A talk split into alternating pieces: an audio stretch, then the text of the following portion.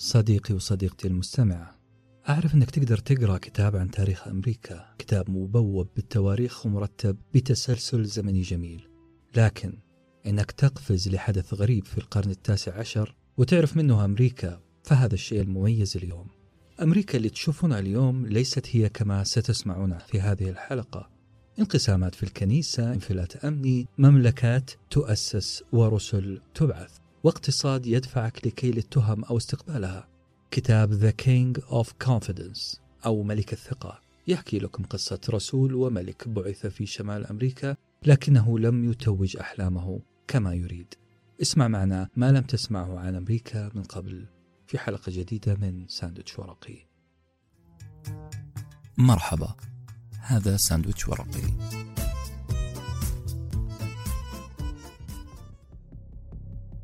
كنيسة المسيح. قامت الثورة الفرنسية وظهر نابليون.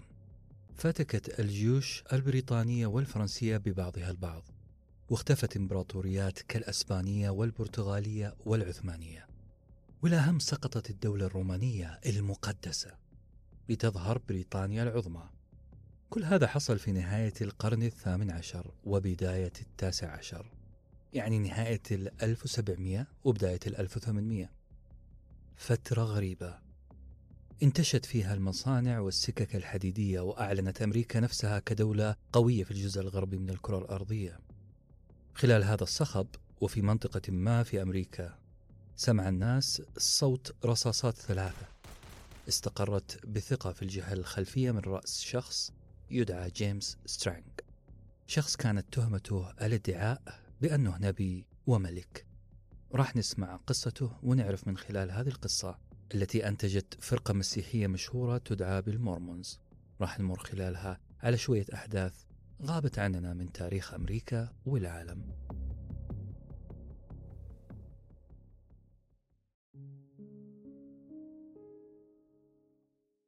حنتكلم اليوم عن شخصية عجيبة في التاريخ الأمريكي اجتماعيا ودينيا. شخصية اسمها جيمس سترانج قليل منا سمع عن هذا الاسم لكن الكثير من دارسي الحركات الدينية في أمريكا يعرفونه تمام المعرفة.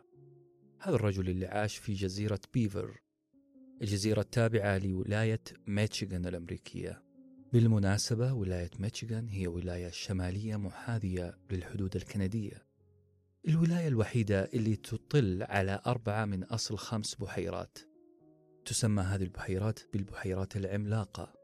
موجودة في شمال أمريكا خمس بحيرات من المياه العذبة تخيلوا. هذه البحيرات تغذي أكثر من خمسين مليون شخص بمياه الشرب وطبعا ازدهرت معها الزراعة. هذه البحيرات تعتبر ثاني أكبر مصدر للمياه لأي شعب بعد الماء المذاب في سيبيريا. جزيرة بيفر هي واحدة من الجزر في بحيرة ميتشيغان زي ما قلنا مساحتها 125 كيلومتر مربع. أكبر شوي من مساحة بعض الدول الأوروبية. يعني تعادل مساحة اليونان ويمكن أكبر شوي. اللي أحاول أقول أنه هذه الجزيرة أشبه بدولة داخل دولة. ومو بس كذا. صحيح أنها عرفت بالغابات وفاكهة الخوخ ومينائها الحيوي. المهم أنه جزيرة بيفر اشتهرت أكثر وأكثر بمملكة أسسها بطل حلقتنا اليوم جيمس سترانج كانت السنة هي 1850 ميلادية والمتحدثة اللي حتسمعون نقل لكلامنا لها أو اقتباس من كلامها هي واحدة من أتباع كنيسة المورمونز. تحكي قصة تتويج جيمس سترانج كملك. كنت جدا متحمسة لحضور خيمة الاحتفال الكبيرة. في الجانب كانت منصة يتقدم إليها موكب من الرجال كبار السن يرافقون الملك. حضر هو أولا مرتديا بالطو أحمر ساطع وبجانبه مستشاره. يتبعه الرسل الاثنى عشر ثم الموظفون الأصغر. كان مسموحا للحضور الجلوس في أي مكان يجدونه مناسبا داخل الخيمة. إعدادات هذا التتويج كانت تحت إشراف جيو آدمز. رئيس المستشارين. آدمز دائما ما كان طاغي الحضور ولأنه ممثل في الأساس فقد أتم طقوس التتويج على أكمل وجه. ختمت هذه الفعالية بأن قام آدمز بوضع التاج المعدني على الرأس الأحمر الداكن الذي يميز الملك. التاج الدائري النحيف والمرصع بالنجوم في مقدمته. انتهى الاقتباس. وصف جميل لتتويج ملك في قلب الولايات المتحدة الأمريكية لكن السؤال من هو سترانج؟ وليه كان يعتبر نبي؟ وليه كان يعتبر ملك؟ وليه كان يعتبر حامل للوحي؟ قبلها لابد نشوف من أين أتى فكر جيمس سترانج من وين استقى أفكاره وقبل ما نعرف جيمس سترانج لازم نعرف كمان اللي حصل في كنائس العالم وبالتحديد كيف ولدت كنيسة المورمونز من رحم كنيسة البروتستانت. راح أكلمكم الآن عن بداية الكنائس. كيف وصلت المسيحية إلى هذه الانشقاقات العظيمة والعقائد المختلفة؟ الكنيسة كانت واحدة قبل ما يحصل الانشقاق العظيم. انقسمت الكنيسة إلى قسمين رئيسيين شرقية وهي الأرثوذكسية وغربية وهي الكاثوليكية. إذا عندنا أرثوذكس في الشرق كاثوليك في الغرب. الكاثوليكية تبنتها أكبر إمبراطورية في عصرها الرومانية. الرومان كاثوليك. وطبعا هذا التبني يكسبها قوة ساعدتها في محاربة أندادهم الكنيسة الشرقية الأرثوذكسية. في القرن السادس عشر يعني 1500 وعليها بدأت احتجاجات في الغرب على الكنيسة الكاثوليكية وممارساتها في أوروبا بدأوا يحتجون على ممارسات الكاثوليك. مثلا رفضوا مسألة الغفران. وكانوا يقولون إحنا ما نحتاج تعب كثير عشان نطلب الغفران من الرب. ما تحتاج تكفير أو دفع أو جهد. كل اللي عليك عشان تحصل على الغفران إنك تؤمن بالمخلص. أو بالاصح تؤمن بيسوع عليه السلام. من هنا بدأت تظهر في الجزء الغربي من الكرة الأرضية فكرة البروتستانت.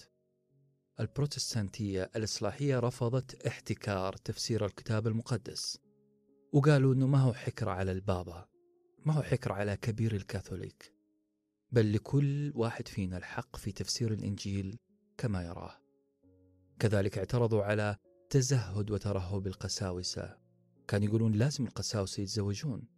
وأخيرا أبرز احتجاجات البروتستانت كانت أن الكتاب المقدس هو فقط مصدر التشريع وليس البابا بنفسه.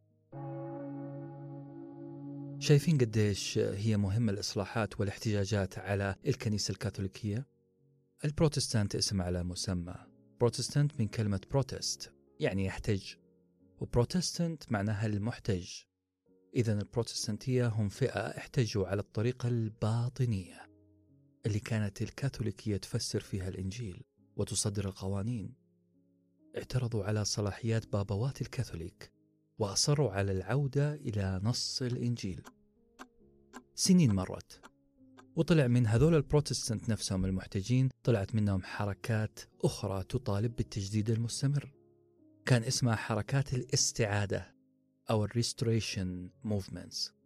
لما نيجي نصنف الاستعادة ممكن نقول إنها حركات أصولية ممكن نقول كذا أو هكذا تسمى في عالم السياسة والعقائد. الأصولية يعني تؤمن بالنص كأساس للتشريع والسلطة. هذا بالضبط كان توجه حركات الاستعادة. فهي تؤكد وجوب العودة لنص ما قاله المسيح. العودة لنفس طريقة حياة المسيح وما كان يقصده فعلا بدون تدخل البابا أو أي طبقة كهنوتية أخرى. رغم اختلاف هذه الجماعات الجماعات اللي انشقت داخل البروتستانتية رغم انشقاقهم في بعض التفاصيل إلا أنهم اتفقوا على مبادئ عدة منها. المسيح هو ابن الله يحتفلون بعشاء الرب أول أيام الأسبوع. هنالك ضرورة لعمل المزيد من الإصلاحات في الكنيسة. كيف؟ من خلال الرجوع إلى الحياة كما كانت عند المسيحيين الأوائل. كانوا يؤيدون نبذ الانقسام الكنائسي بين أتباع البروتستانتية يعني ما يبغون الانقسام بين الحركات اللوثرية الإيفانجيلية وغيرها. كانوا يحاولون توحيد الكنائس كلها تحت اسم كنيسة واحدة اسمها كنيسة المسيح. هذه الفئات اللي ظهرت من البروتستانت نبذوا الانقسام وحاولوا فعلا لم الشمل في حركة مسكونية واحدة ومن هذه الحركات ظهرت كنيسة المسيح اللي حنتكلم عنها اليوم وعلى فكرة لما أقول حركة مسكونية أو فكر مسكوني كلمة مسكوني هنا ما هو شيء له علاقة بالأشباح أبدا زي ما إحنا متعودين في اللغة العربية. أنتم حتسمعونها كثير في الأدب المسيحي. معنى مسكوني أي تجمع كل سكان الأرض يعني عالمية. فإذا سمعت عن اجتماع مسكوني أي اجتماع عالمي. وهو تجمع لتوحيد الرأي وجعله رأي عالمي يشمل كل الأرض. أصدقائي بالبحث في تاريخ كنيسة المسيح راح تظهر لنا شخصية مهمة جدا اسمها جوزيف سميث. ولهذا الاسم قصة حصلت لي أنا. أول مرة سمعت هذا الاسم كنت في منزلي الصغير في مدينة ليستر أثناء ابتعاثي لمرحلة الماجستير. سمعت طرقات على الباب في فترة العصر. كان الربيع البارد بدأ ينسنس علينا. النسيم اللي لفح وجهي لما فتحت الباب ما منعني أتفاجأ من منظر الشخص اللي أمامي. شاب يلبس بدلة سوداء ابتسامته عريضة جدا ومباشرة سألني عن إذا كان عندي وقت أسمعه. بدون تردد قلت له تفضل لأني كنت فاضي وقتها ومزاجي عالي وأبغى أخذ وأعطي مع أهل هذه الدولة. أبى أطور لغتي الإنجليزية. لذلك جلسنا على الكنب. كان قماش الكنب من نوع القطيفة لونه بيج مريح جدا للجلسة لذلك كنت أتوقع أن الجلسة راح تكون طويلة وسألته مباشرة خير. أو بما يقابلها بالإنجليزية واتساب تفضل قول اللي عندك الشاب بدأ يكلمني عن كنيسة يتبع لها اسمها المورمون كان يقاطع كلامه بأسئلة يوجهها لي كأنه يحاول يخبي لي أسئلة شخصية وسط الحوار أسئلة من نوع إيش دينك؟ إيش مذهبك؟ رأيك في المسيحية؟ هل زرت كنيسة قبل كذا؟ عني شخصيا كنت أجاوبه إجابات قصيرة ومباشرة ما علينا الشاب هذا كلمني عن رسول من الله للأراضي الأمريكية يؤمنون فيه. اسمه جوزيف سميث. كان مسترسل في سرد مناقب هذا الرسول وكان يأكد لي بأنه يتلقى الوحي من الله. كلام كثير هو حافظه عن ظهر قلب جاي يقوله بالمليمتر مدروس. قاطعته في لحظة وعرضت عليه أني أقدم له شاي أو قهوة. برضو الرجل هذا ضيفي. فاجأني بأنه رفض الدعوة وقال إنهم ما يشربون أي منشطات وإنه لو ممكن أقدم له كأس يا عصير يا كوب موية. بعدها قدم لي كتابه المقدس اللي اسمه المورمون المقدس. وأكد لي أنه تكملة مهمة للعهد القديم والجديد. في نهاية نقاشي معه طلب مني آه هذا الشاب أننا نرفع أيدينا وندعو الله بأن يهدينا إلى الطريق القويم. سألته أي إله راح ندعي له؟ هنا دخل الشاب في شرح آخر وأخذ له يمكن خمس دقائق يشرح لي معتقده بأنه لا يؤمن بالثالوث وأن وأن وأن الشاهد أنه ما خرج من عندي إلا وفي راسي ألف علامة استفهام. الرجل فاهم إيش قاعد يقول؟ الرجل عارفني تماما؟ الرجل في مهمة تبشيرية. الرجل يحب شخص اسمه جوزيف سميث.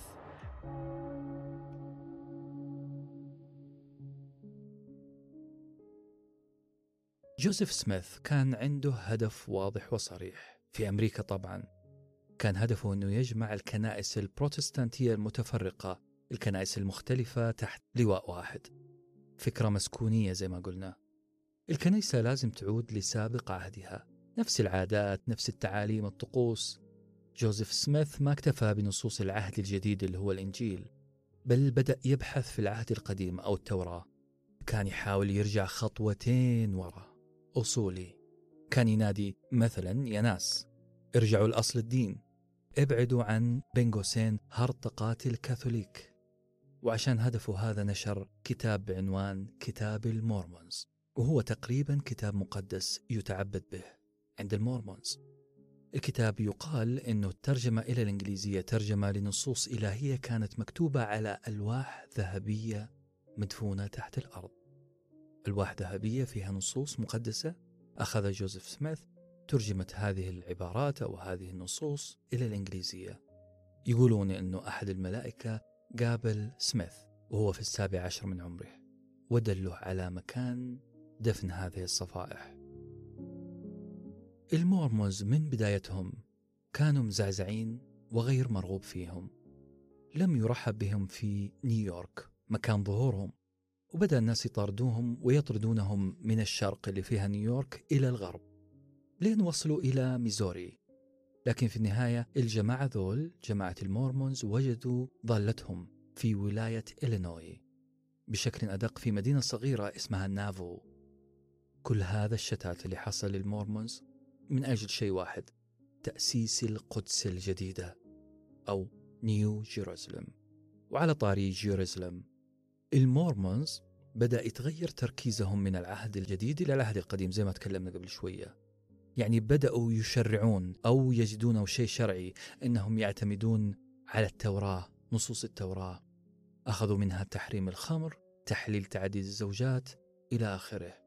زي ما إحنا عارفين أنه إبراهيم وإسحاق وإسماعيل ويعقوب عليهم السلام كان عندهم أكثر من زوجة لذلك رجعوا خطوة وراء وجابوا التشريع التوراتي. راح نتكلم بالتفصيل بعد شوي عن انتقالاتهم هذه وكيف حصلت. الانتقالات اللي استمرت ما يقارب أربعين سنة. خلونا الآن نرجع لجوزيف سميث. من هو جوزيف سميث بالضبط؟ جوزيف سميث مؤسس الكنيسة المورمونية. هذا الرجل ما كان رجل دين فقط بل كانت عينه على تأسيس مملكة. وبدأ فعلا في آخر شهور حياته تأسيس نظام ملكي سماه مملكة الرب. عام 1844 أعلن جوزيف سميث نفسه ملك لمملكة الرب وتوج هذا الملك لكن كان تتويج سري. جوزيف سميث جمع عشرات الأعضاء كانت مهمتهم الانتشار في الأرض إقناع الناس بالعقيدة الجديدة بالمملكة الجديدة. وكل مؤمن جديد في هذه العضوية أو في هذه الكنيسة يستلم مهمة جديدة أنه على طول يبدأ تنفيذ عملية التبشير يروح لأصقاع جديدة من الأرض ويبشرهم بمملكة الرب. وبالعقيدة الجديدة نجحت هذه الخطة. وصل عدد المورمونز عند اغتيال سميث إلى عشرات الآلاف من الناس. بعد كم سنة صار عددهم أكثر من 15 مليون شخص. بكامل اختلافاتهم هذا الحس التبشيري القوي ورغبة المورمونز في تكوين مملكة وتوجههم للاستحواذ على سلطة سياسية وعسكرية جعلهم زي ما قلنا محط امتعاض وكره من قبل أي مجتمع جار لهم. بل حتى الأراضي اللي سكنوا فيها كان الناس غير راغبين فيهم. عندهم نزعة سياسية عسكرية دينية. عندهم نزعة للتسلط. هذا اللي خلاهم يطردون من أكثر من منطقة قبل استقرارهم الأخير في نافو. هذا الحس التبشيري ويمكن المتطفل شوية على حياة الآخرين زي ما حصل لي هو اللي خلى صديقي الإنجليزي في ليستر يحذرني منهم. وقال لي بالحرف الواحد لا تعوده يدق على بابك. لا تعطيه وجه. لا تتردد في رفض زياراته اللي راح تتكرر كثير عليك. صديقي لوك قال لي في النهاية وراح أذكرك بأنهم راح يزورونك مرة ثانية وثالثة ورابعة. لا تعطيهم وجه. أصدقائي خلينا ناخذ نقطة سريعة على الهامش بخصوص المورمونز. هذه النقطة راح ناخذ فيها جولة سريعة على بعض الإرث المسيحي. كأي فرقة جديدة تحاول أن ترسم ملامحها المميزة. المورمونز كان عندهم نظرة غريبة ومختلفة شوية عن باقي المسيحيين. الكنيسة المورمونية كانت تحتفل بميلاد المسيح بنفس التاريخ مع كل الفصائل الأخرى. الناس دول عادي جدا يأكلون معك ديك رومي ويذكرون الصلوات وكأنه واحد من المسيحيين العاديين لكن لا لا لا. كل كلام اللي قلته أنا غلط. المورمونز يؤمنون بأن عيسى عليه السلام ولد في السادس من إبريل. في الربيع مو في الشتاء. وهذا الشيء مو غريب على دارسي العقيدة المسيحية لأن التاريخ الحقيقي لولادة المسيح عليه السلام مختلف عليه جدا. مثلا الأناجيل الأربعة اللي هي متى لوقا يوحنا مرقس اللي يسمونها بأناجيل العهد الجديد. ما ذكرت بالتحديد متى ولد عيسى عليه السلام. كل اللي عمله المؤرخون هو التتبع لأحداث ذكرها كتاب الأناجيل. وكانوا يحاولون يزامنون هذه الأحداث مع تاريخ ولادة المسيح يعني التاريخ تقريبي. خليني أوضح لكم شوية كيف هذا الاختلاف حصل. إنجيلي متى ولوقا هذه إنجيلين معتبرة؟ ذكروا أن الولادة ولادة المسيح حصلت لما كان الملك هيرودس ملك على اليهود. المصادر تقول أنه هيرودس حكم المنطقة اللي من الجولان في سوريا إلى البحر الميت في الأردن. وأن اليهود هناك كانوا يعارضون هذا الملك أشد معارضة. تقول أناجيل متى ولوقا أنه هيرودس جزر في اليهود قتلهم وذبحهم. صورة هذه الملك مو بس تشوهت من ناحية تعامله مع اليهود بل أصله كمان كان يعتبر أصل غير نقي بحسب بعض المصادر.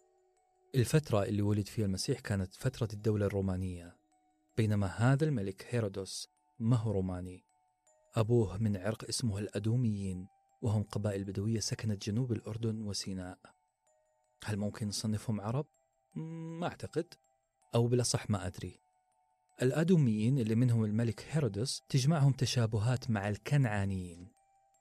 متى ولوقا أصحاب الأناجيل وثقوا أن هذا الملك كان يذبح المواليد في بيت لحم عندما انتشر خبر ولادة المسيح؟ وهنا السؤال اللي يطرح نفسه كيف عرف الملك هيرودوس أنه المسيح خطر عليه؟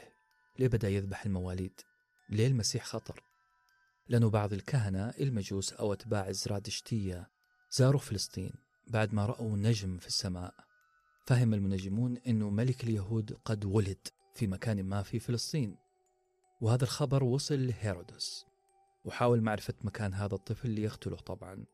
لكن المسيح وأمه مريم العذراء ويوسف النجار هربوا إلى مصر فيما يسمى برحلة العائلة المقدسة. حصلت بعد هروبهم إلى مصر في فلسطين مذبحة الأبرياء. هوريدوس فشل في معرفة من هو الطفل الملك فأمر بذبح كل طفل أقل من سنتين في مدينة بيت لحم. هذا معناه أن المسيح كان أقل من سنتين أيام هروب العائلة إلى مصر وأيام مذبحة الأبرياء.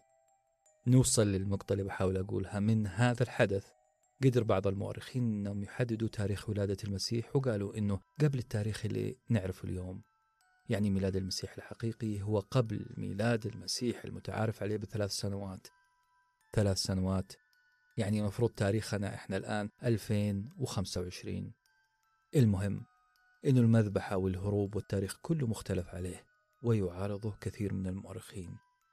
أتمنى أني عملت نقطة هنا على مسألة اختلاف متى ولد المسيح يوما وسنة.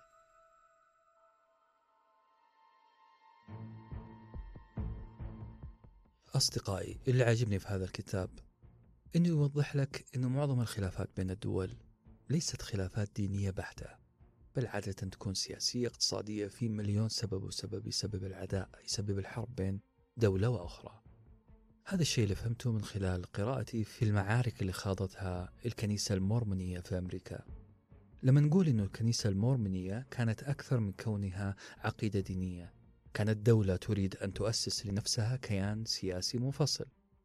المعركة اللي حصلت في ميزوري عام 1938 تؤكد كلامنا ذا. حصل بين المورمونز وباقي أصحاب الكنائس الأخرى المسيحيين في أمريكا في نفس المنطقة اللي فيها المورمونز حصلت معارك عنيفة. أنصار المورمونز زي ما إحنا عارفين هاجروا من نيويورك في الشرق إلى الغرب إلى ميزوري وقرروا تأسيس مدينة اسمها مدينة صهيون.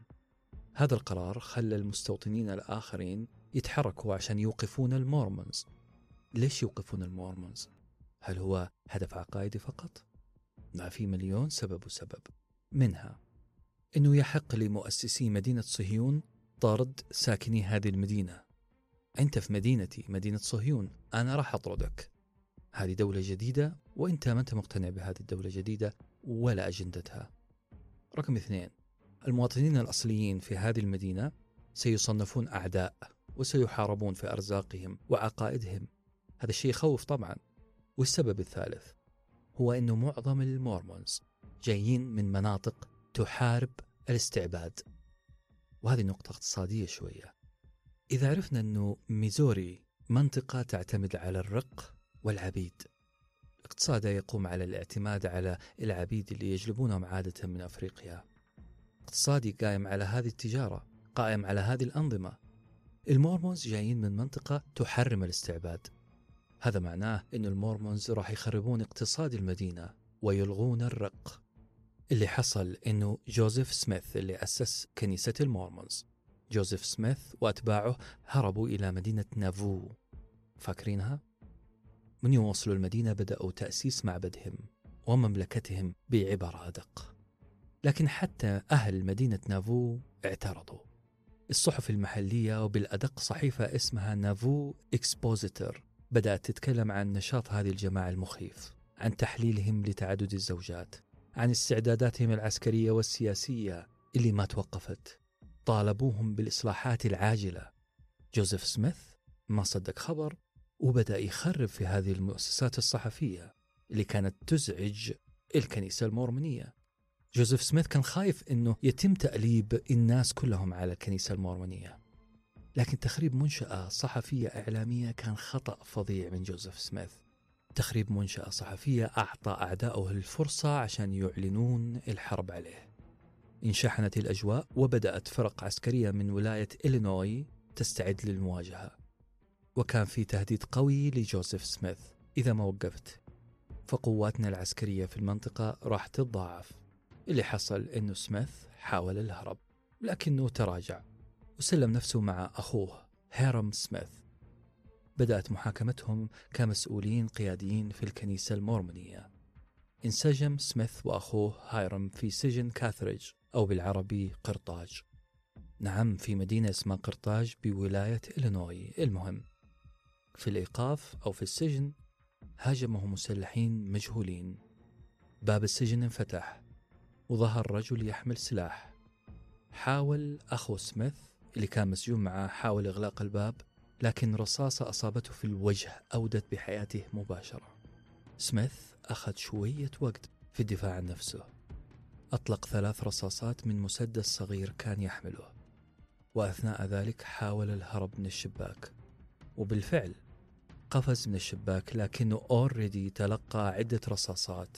وسقط من النافذة لحظة سقوطه أخذ يصرخ أو لورد أو جاد. وبمجرد أن ارتطم جسده على الأرض فارقت روحه جسده.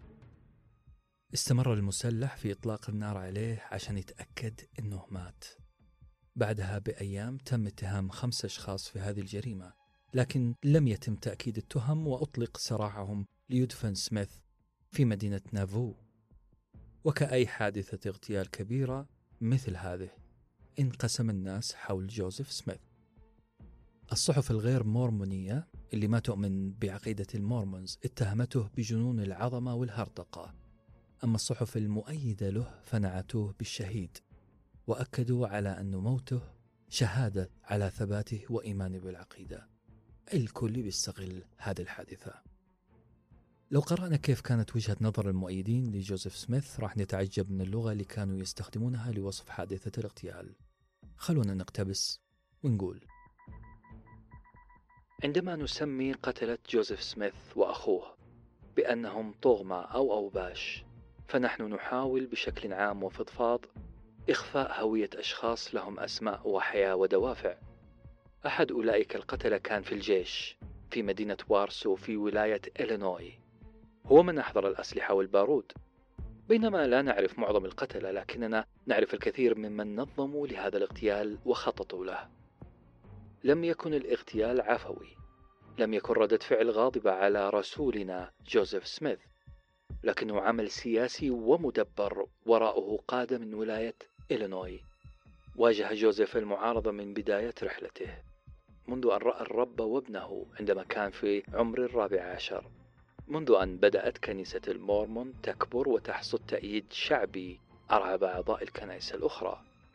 شرارة هذا الاغتيال عندما بدأت صحيفة نافو Expositor الصحيفة التي تدعمها كنائس ضد المورمونز. تعدد الزوجات أصبح شائعا في مدينة نافو وعلى وشك أن يكون مشرعا وهذا خطر كبير على الكنائس الأخرى. ما حصل من إيقاف وتخريب الصحيفة على يد جوزيف سميث جعل القضاة في مدينة قرطاج ووارسو يصدرون أمرا بالقبض على جوزيف سميث لكن ليس الجميع كان يثق في أن القضاء العادل سيحل هذا الموضوع. فمالك جريدة أخرى اسمها وارسو سيجنال قال يجب التدخل العسكري في نافو والقضاء على قوات هذه الفرقة الشريرة. انتهى الاقتباس. جوزيف سميث لم يهرب. بحسب رأي بعض الصحف الأخرى. جوزيف سميث لم يهرب لم يرفع سلاحا في وجه أعدائه. كل اللي عمله هو استحداث قوانين عرفية عشان يحمي سكان المدينة. حاول إدخال واسطات من قضاة وحكام ولايات في المناطق الأخرى عشان يفضون هذا النزاع عشان لا تحصل المذبحة. فكان ردهم نعم بإمكاننا التوسط. إذا وإذا فقط سلمت نفسك. وللأسف وافق وكانت الحماية المقدمة له من جهة معادية للكنيسة المورمونية. هذا كان رأي الصحف الموالية للمورمونز. نكمل رأي بعض الصحف الموالية للمورمونز. يقولون أكثر من مئة شخص اشتركوا في عملية الاغتيال. من أصل مئة شخص مشتبه فيه تسعة فقط هم من أشارت لهم أصابع الاتهام هم اللي انمسكوا فقط. أربعة منهم استطاعوا الهرب وخمسة فقط هم اللي قدموا للمحاكمة. في النهاية حتى الخمسة هؤلاء لم تثبت التهمة عليهم. ورغم كل هذه الأمنيات بأن تنتهي الكنيسة المورمونية إلا أن أتباعها كل يوم في ازدياد ليصل اليوم إلى عشرين مليون نسمة موزعين حول العالم. كانت هذه هي مرافعة رسمية مقدمة من أنصار المورمونز في موقع كنيسة المسيح على الإنترنت الكنيسة اللي أسسها جوزيف سميث. طبعا اللي حصل بعدها أنه بدأت عمليات تخريب لكنائس المورمونز بدأوا يطاردون أتباعها. هذا الشيء اللي جعلهم ينتقلون للغرب أكثر وأكثر. ابتعدوا عن نافو عن إلينوي عن ميزوري. ابتعدوا أكثر عن هذه المناطق الملتهبة. هذه كانت قصة جوزيف سميث. خلونا نسمع عن بطل كتاب اليوم جيمس سترانج بعد اغتيال سميث كان لابد من اختيار خليفة له من اللي حيمسك الكنيسة المورمونية. في هذه الأوضاع الغير طبيعية كان لابد أن يطرح سؤال آخر مهم. هل نعمل تعديلات في الكنيسة المورمونية ونتفاهم مع هذا المحيط الغاضب حولنا ولا نهاجر بعقيدتنا ومبدأنا ونتمسك بما آمنا به؟ أهم القضايا اللي كانت ناشبة في حلوق المورمونز هو قضية تعدد الزوجات. تخيلوا القسم المهادن من أعضاء كنيسة المورمونز قال لابد أننا نعيد قراءتنا لنصوصنا لمبادئنا. لازم نصير جزء من التكتلات المخالفة لنا في المنطقة خاصة إلينوي. كان أحد أنصار هذا الرأي أرملة جوزيف سميث الرسمية إيما سميث. إيما سميث كان لها رأي مهادن. لازم نغير نفسنا ونصير أقرب للكنائس الأخرى. معها كذلك قائد في الكنيسة اسمه بريغهام يونغ. تعهد هذا القائد أنه يعمل على إعادة المورمونز للخارطة بطريقة أكثر حضارة انفتاح وتفهم لكن في هذا الوقت ظهر منافس جديد وسريع الانتشار. بدأ يهدد كنيسة المورمونز اللي المفروض يكون قائدها بريغهام يونغ. هذا المنافس اسمه جيمس سترانغ بطل كتاب اليوم. جيمس كان أحد الأفراد الجدد اللي انضموا للمورمونز. شاب جبهته عريضة جدا شعره منحسر لنصف دماغه. يسرح ما تبقى من شعره للجانب الأيسر ووجهه يحمل شارب وذقن كثيفين. صورته متوفرة بتقنية تصوير قديمة جدا تقنية الداجرية أو اللي يسموها ال daguerreotype المهم الشاب اللي اسمه سترانغ تم تعميده قبل شهور من مقتل جوزيف سميث. سترانغ هذا كان موقفه صعب بل مهزوز جدا لأنه أولا شاب جديد على المورمونز. لأنه ما يملك أي اعتراف أو منصب رسمي زي منافسيه خاصة يونغ. يوم كان قائد مجموعة داخل المورمونز وكان يعتبر أحد رسل سميث. سترانج لا سترانج شخص غريب. لكن سترانج قدر يلعبها صح واكتشف في نفسه ميزتين ما كانت في منافسينه. بصراحة هي ما هي ميزتين بل ادعاءين قدمها هذا الشاب جيمس سترانج الادعاء الأول أنه يمتلك تصريح أو تفويض رسمي قانوني من جوزيف سميث. هذا التصريح أو التفويض بأنه سترانج سيكون خليفته. الادعاء الثاني وهو الأهم أنه تلقى وحي من الملائكة يخبرونه بأنه هو الخليفة. نعم هو من يؤسس الكنيسة الأخيرة في هذا العالم اللي راح يكون اسمها كنيسة يسوع المسيح لقديسي الأيام الأخيرة. اسم طويل شوية. التصريح أو التفويض الرسمي وهو الكرت الأول اللي لعب فيه جيمس سترانج كان عبارة عن رسالة. رسالة أرسلها له جيمس سميث رسول المورمونز. يدعي في هذه الرسالة سترانج أنه كان في مدينة بعيدة عن سميث تقريبا 300 كيلومتر. سميث أرسل له رسالة كانت تحمل بحسب ادعاءاته تعيين واضح له كقائد للمورمونز. والسؤال هنا ليه كانت الورقة هذه كرت مهم في يد جيمس؟ ببساطة لأنه في كامل التشريع اللي وضعه جوزيف سميث للمورمونز ما في ولا كلمة واحدة توضح من يحق له خلافته بعد وفاته. يعني مو شرط يكون قائد المورمونز الجديد هو عضو رسمي أو من حواري أو رسل المورمونز. ممكن أي أحد جديد ولذلك رسالة زي هذه حتكون مؤثرة. راح تكون عامل ضغط قوي أو عامل يدافع عن إدعاءات سترانج بالعربي هذا معناه أنه شخص زي جيمس سترانغ شخص جديد على الكنيسة شخص ما يملك أي منصب سابق فيها يقدر يكون هو القائد الجديد. وهذا معناه كمان أنه رسالة التعيين اللي طلعها سترانغ قيمة جدا. رسالة مبعوثة من سميث نفسه تؤيد توليه للقيادة. رغم أهمية هذه الرسالة ورغم أنها جذبت له أنصار مهمين أيدوا سترانغ إلا أن المراقبين ضعفوا حجيتها لأنها ما تحمل أي توقيع. أنت جايب لي أي ورقة والسلام وتقول إنها من سميث وتعينك كقائد للمورمونز ما في توقيع ما في أي إثبات. كذلك الخط المستخدم فيها. لا يشبه خط سميث. لذلك هذا الكرت ما كان هو الكرت الربحان فعلا عند سترانغ لكن الكرت الربحان هو ادعاؤه بأن الملائكة بشرته بقيادة المورمونز إنها دلته على صفائح مدفونة تحت الأرض. كتبها رسل قدماء من أهل أمريكا الأصليين. أرسلوا للتبشير بقدوم خليفة ليسوع المسيح على هذه الأرض. ملاحظين سالفة الصفائح؟ كيف تتشابه مع قصة جوزيف سميث نفسه؟ المهم أن الصفائح هذه وجدوها فعلا مدفونة تحت الأرض ومكتوبة بلغة غريبة من اليمين لليسار في السطر الأول ثم من اليسار لليمين في السطر الثاني وهكذا. هذا خلى النصوص غريبة ومثيرة للاهتمام. الصفائح حقيقية وشافها أعداء المورمونز ودرسوها.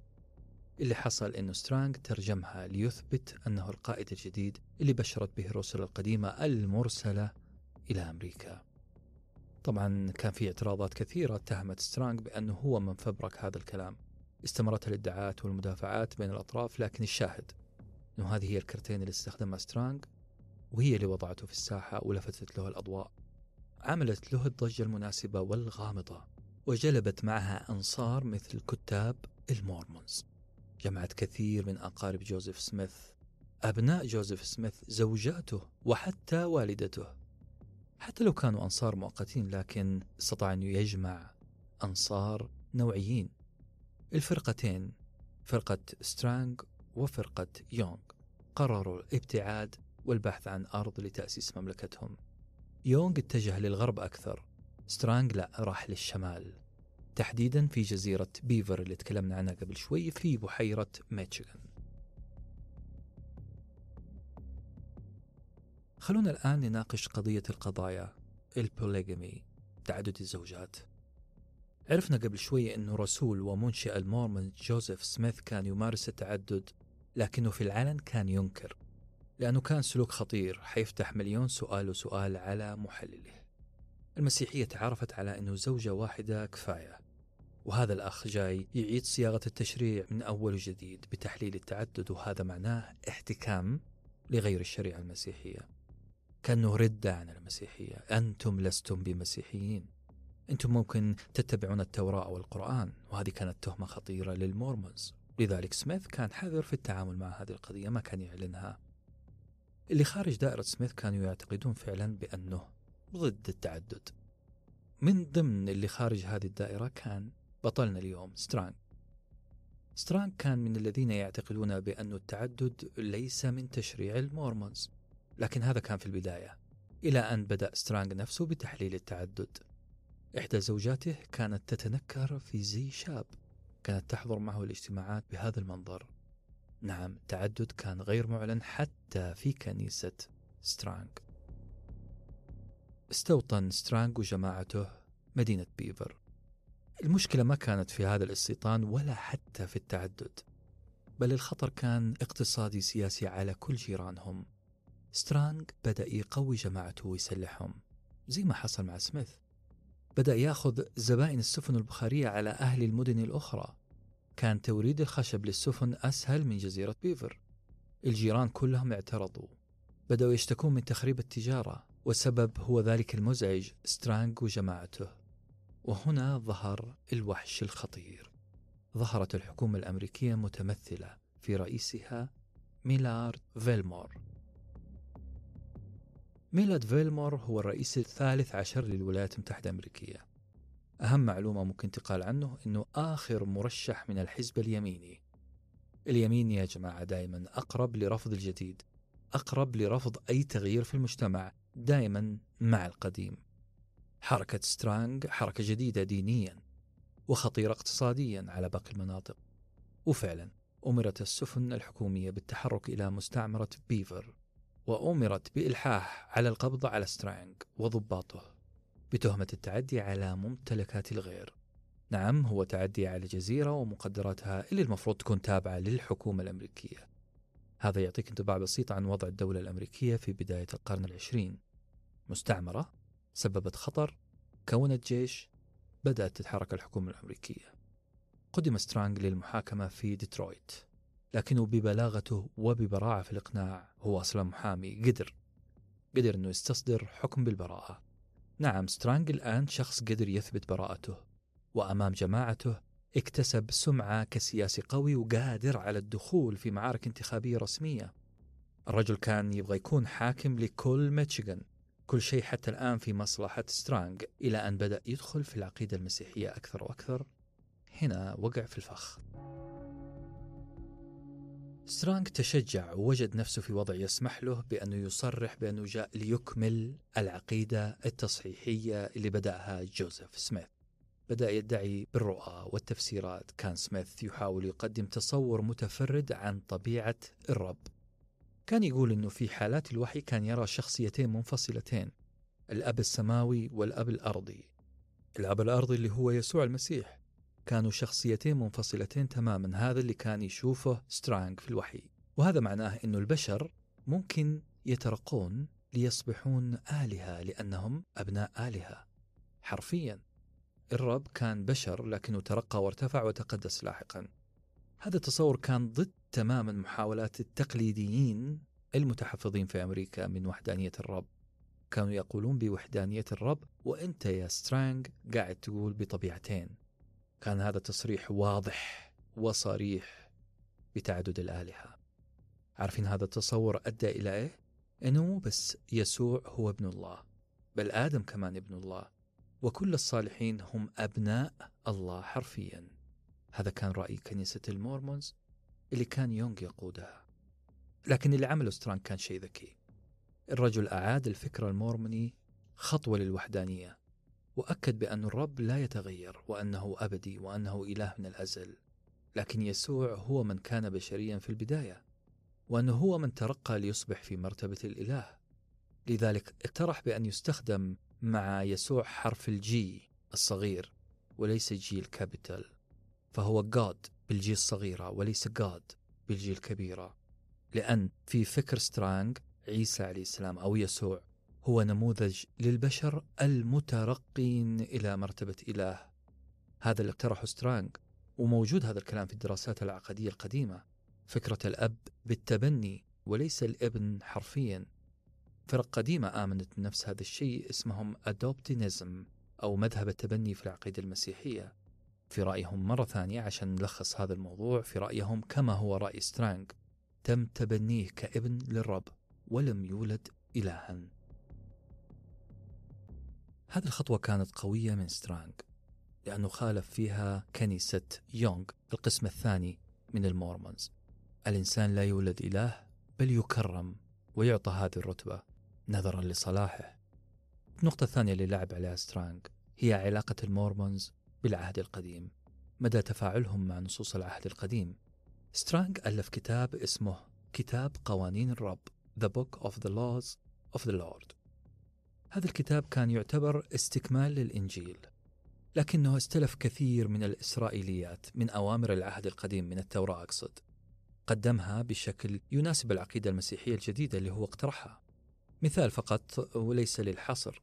يوم الإجازة عند هؤلاء المورمونز أتباع سترانج يوم الإجازة عندهم السبت اللي هو السبت بدل الأحد. كذلك كان هذا الكتاب يفصل أكثر في الوصايا العشرة اللي منصوص عليها في التوراة. الشاهد أنه كثير من أحلاف سترانج اللي مع سترانج الأوائل بدأوا ينسحبون من كنيسته. واحد ورا الثاني. معظم الأسباب تتعلق بوصفه بأنه عنده نزعات ديكتاتورية. كذلك كان في تحفظ كبير على إدارته للكنيسة. طبعا كالعادة تراجع سترانج عن قناعاته في مسألة تعدد الزوجات. هذا واحد من الأسباب اللي خلته مكروه ومستهدف. خلونا نسمع واحدة من زوجاته الخمسة اللي اسمها سارة رايت وهي تحكي كيف كان سترانج في بيته فتقول كان متحدثا جيدا طيب مع عائلته كرب أسرة لكن كلمته كانت قانون. كل زوجة كان لها غرفة مستقلة لكن وجبة الغداء والعشاء كان لازم نجتمع كلنا. نعم كان كلام هذا الرجل قانون لأنه عين نفسه ملك في الثامن من جولاي 1850 الرجل رفع الستارة على مسرح كبير في مبنى كبير في جزيرة بيفر. الحضور كان أكثر من 250 شخص. الحضور هؤلاء لما لمحوا ملكهم وهو يهم بالدخول إنهالت الصيحات والشهقات. كان يتمشى بخيلاء مقتربة من العرش. العرش كان مكون من كرسي مبطن بنبات الطحالب ومغطى بقماش ملون. انتهى الاقتباس. إحنا ما نقدر نوصف هذا الرجل بجنون العظمة فقط. صحيح إنه ما استطاع يحقق أهدافه كتأسيس مملكة أو تأييد نبوته لكن كان في نفس الوقت كاتب عظيم متحدث مقنع عنده كاريزما. محامي وشغل منصب رسمي في الحكومة لسنين طويلة. الرجل كان معارض للعبودية وأول من أعطى السود والنساء مناصب رفيعة في الكنيسة كان سترانج. في كل مرافعاته ومحاججاته كان هو صاحب الحجة الأقوى. شخص ذكي في قراراته وهذا الشيء اللي خلاه يصل إلى ما وصل إليه من جرأة إعلان مملكة وسط الدولة الدولة الأمريكية. اختار جزيرة بيفر اللي لا يتعدى المصوتين فيها 500 شخص. وبانتقاله إلى هناك قدر يكون أغلبية يسيطر بها على المنطقة. أصدقائي زي ما قلنا سترانج كان يشبه نبيه جوزيف في كل شيء ويبدو أن الأقدار تصر على أن تكون نهايتهم واحدة. الاغتيال أو كما يسميها أتباع المورمونية الشهادة. بعد سلسلة من الشكاوي والمخالفات والخداع اللي اتهم فيه سترانج أرسلت مراكب بخارية تحميها سفن رسمية من الحكومة الأمريكية إلى جزيرة بيفر في بحيرة ميشيغان. هذه السفن أطلقت النار على سترانج سترانج اللي مات بعدها بأسابيع متأثرا بجراحه. اللي حصل بعدها هي عملية طرد لكل المورمونز. جاءت سفن كثيرة وأخذت المورمونز من جزيرة بيفر ووزعتهم أو بالأصح شتتتهم في عدة أقطار. طبعا هذا الإجراء يبدو لضمان عدم تكتلهم مرة ثانية. الكنيسة وأتباعها الآن بعيدة تماما عن أي نشاط سياسي. نعم يوجد لها مقر في مدينة وينسكونسن في أمريكا. أتباعها ناس هادين الآن راقين وفاضين للحديث فقط حول تاريخ المسيحية أو تاريخ هذه الكنيسة بالتحديد. حادثة اغتيال سترانج يجب أن لا تمر علينا مرور الكرام. كيف تم اغتيال سترانج؟ ما هي ظروف أو حيثيات حادثة اغتياله؟ زي ما قلنا السفن البخارية وصلت بيفر. وأرسل مرسول إلى سترانج يطلبه الحضور إلى السفينة. سترانج مباشرة ما كذب خبر. ذهب مع هذا المرسول. وفور وصوله إلى السقالة اللي توصله إلى السفينة ظهر رجلان من الخلف بأيديهم مسدسات مختلفة. أطلقت الرصاصة الأولى لتضرب رأس سترانج من الخلف من جهة الإذن. الرجل استطاع أن يلقي نظرة على القتلة لكنهم ما أمهلوه. فانطلقت رصاصة ثانية وثالثة واحدة في رأسه والثانية استقرت بين ضلوعه. في هذه اللحظة اختفى القتلة عن الأنظار حيث ركبوا السفينة البخارية وانطلقوا بعيدا. لكن ليش قتل سترانج؟ قلنا أنه كان مسبب أخطار كثيرة وبسبب التهم اللي كيلت على جماعته وعليه هو شخصيا. بصراحة لا تعد ولا تحصى أهمها أعمال تخريبية نسبت إليه. اتهم بأنه يخطف ويسرق ويحاول أن يجند الأطفال ويستغلهم. إلا أن كتب حديثة النشر زي كتاب اليوم يقول ما يجوز نحكم على رواية واحدة بس. المورمونز اختفوا من جزيرة بيفر واللي قاعد يروي معظم الكتب الحديثة أناس ما عاشوا تلك الفترة يعني ما في أحد يقدر يتكلم بلسان سترانج وجماعته. أما تهمة النهب فهي شيء شائع في تلك المنطقة وتحت غطاء ديني اسمه consecration. استوقفني هذا المصطلح شوية consecration. اضطريت أبحث فيه شوية. لغويا consecration معناها التكريس أو التفاني من أجل خدمة غرض ما. في المواقع المسيحية تم شرح هذا المصطلح بشكل مستفيض.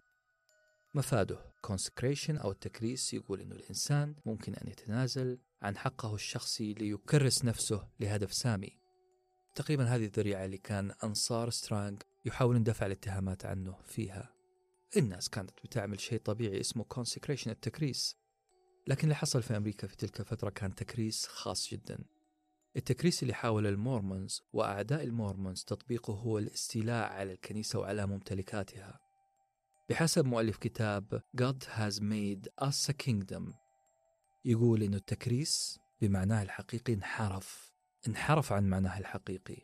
لدرجة أنه كل الفرق صارت تحاول النهب المتعمد للكنائس وللناس باسم الكنيسة كتكريس.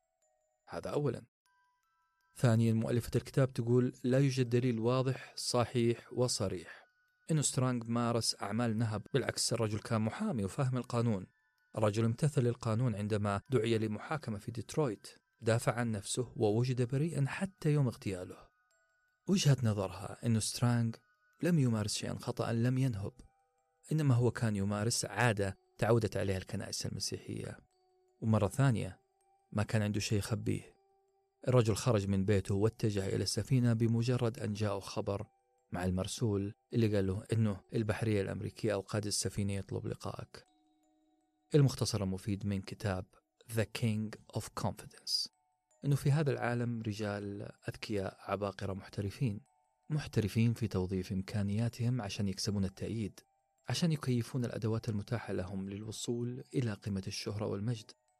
هذا الكتاب جميل جدا قدم جيمس سترانج كأحد هؤلاء الدهاء وبصراحة قدمه بطريقة شبه موضوعية فهو يترك لنا الحكم دائما. هل كان هذا الشخص مؤمن بما يبشر به أم أنه كان يستغل الوضع الراهن ويضحك على العقول لتحقيق مآرب شخصية؟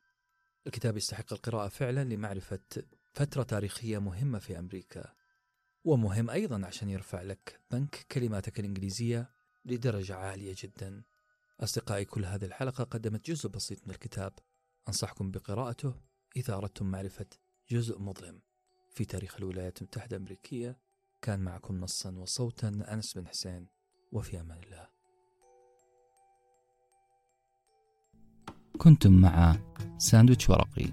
وجبة معرفية نتشارك لذتها.